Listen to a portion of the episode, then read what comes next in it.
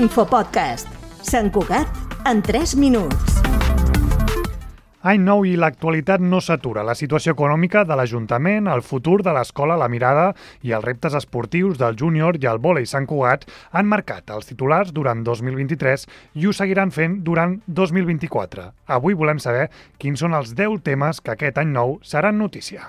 Número 1. Objectiu. Sanejar els comptes municipals. Amb la previsió de tancar 2023 amb uns 25 milions d'euros en números vermells, l'Ajuntament engega l'any nou amb l'objectiu de revertir la situació deficitària.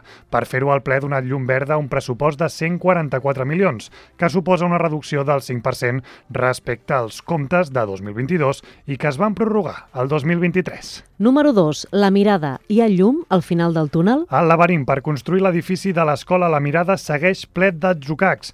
De moment, el jutjat ha desestimat el recurs contra el trasplantament d'arbres que havia de facilitar l'inici de les obres, però les mesures cautelars encara no han caigut. El darrer ple de l'any es va posar de manifest el trencament de consens per mantenir l'escola al Parc del Bosc de Volpelleres. Junts i el PP, amb l'abstenció de Vox, han forçat que l'Ajuntament obri la porta buscant emplaçaments alternatius. Número 3. Cada gota compta. Els embassaments de Catalunya es troben al 17% de la capacitat.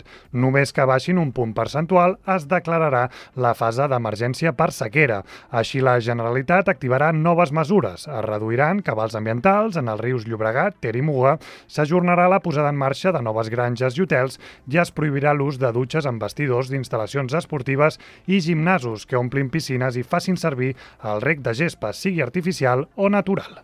Número 4. Una connexió millor entre Sant Cugat i Rubí. Les obres per urbanitzar, vianantitzar i fer més segur el pas de la carretera de Rubí sota el pont de l'AP7 havien de començar el 2022, però els treballs de moment no han començat. La previsió és que el projecte, pressupostat en un milió i mig d'euros, es materialitzi finalment aquest 2024. Número 5. Menys decibels a Mas Gener. La reivindicació històrica del veïnat de Masgener per instal·lar pantalles acústiques al pas de les autopistes AP7 i B30 ja ha començat a materialitzar-se. De moment s'han retirat les tanques de fibrociment que separen el carrer de Folk i Torres de l'autopista i s'han eliminat els perfils metàl·lics de la zona.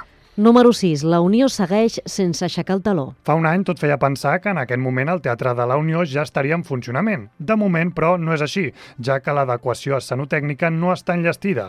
És un projecte amb un cost de 2,6 milions d'euros adjudicat a l'empresa I+D, que preveu la instal·lació de tots els elements necessaris perquè l'espai pugui reobrir i tornar a acollir espectacles. Número 7. Crol, Brassa o Papallona Mirasol. El complex aquàtic de Mirasol ja pren forma. Les obres, pressupostades en 7,3 milions d'euros, van començar al març de 2023 i la previsió és que durin uns 22 mesos.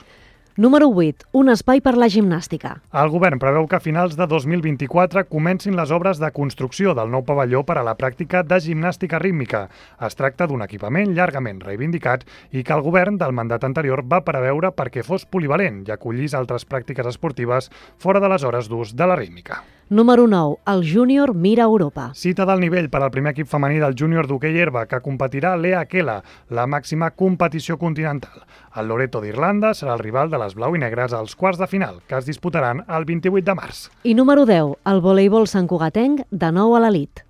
El vòlei Sant Cugat segueix a l'elit estatal. Les santcugatenques disputaran per quart cop i per tercera temporada consecutiva la Copa de la Reina, que tindrà lloc del 26 al 28 de gener a Dos Hermanes.